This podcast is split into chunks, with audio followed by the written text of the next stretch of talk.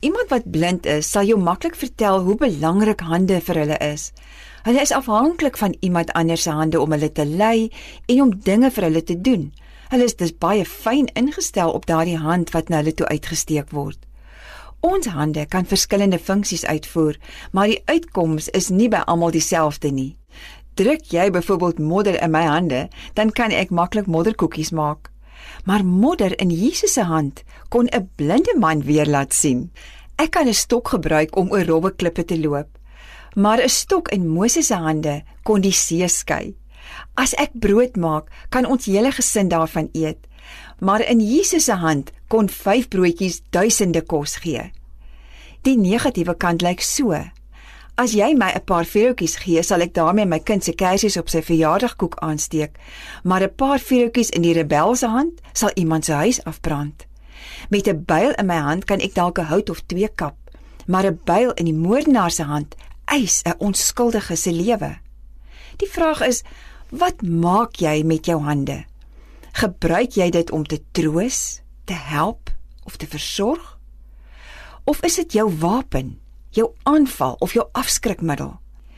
Weet jy, dit is 'n baie hartseer dag wanneer ons ons hande gebruik om goederes te vat wat nie aan ons behoort nie. Dis nog erger as ons ons hande gebruik om ander mense af te knou net omdat hulle nie wil maak soos ons wil hê nie. Onthou, jy het altyd 'n keuse oor hoe jy jou hande wil gebruik. Terwyl jy nou hieroor besin, het ek gelukkig vir jou goeie nuus. Die vyand het die spykers en hamers in hulle hande gebruik om Jesus dood te maak. Maar Jesus was in God se hande.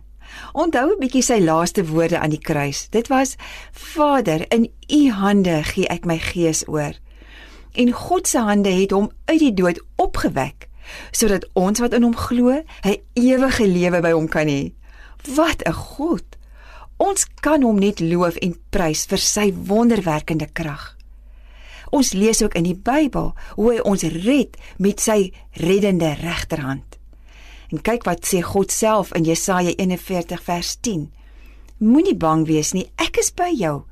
Moenie bekommerd wees nie. Ek is jou God. Ek versterk jou, ek help jou, ek hou jou vas met my eie hand red ek jou. Ag, gee jouself oor in God se hande. Weet, jy is in goeie hande. Vader God, baie dankie dat ek vandag kan kies om in U hande te wees. Hier is my hande, o Meester. Gebruik dit asseblief tot U eer en dankie dat U my vashou. Amen.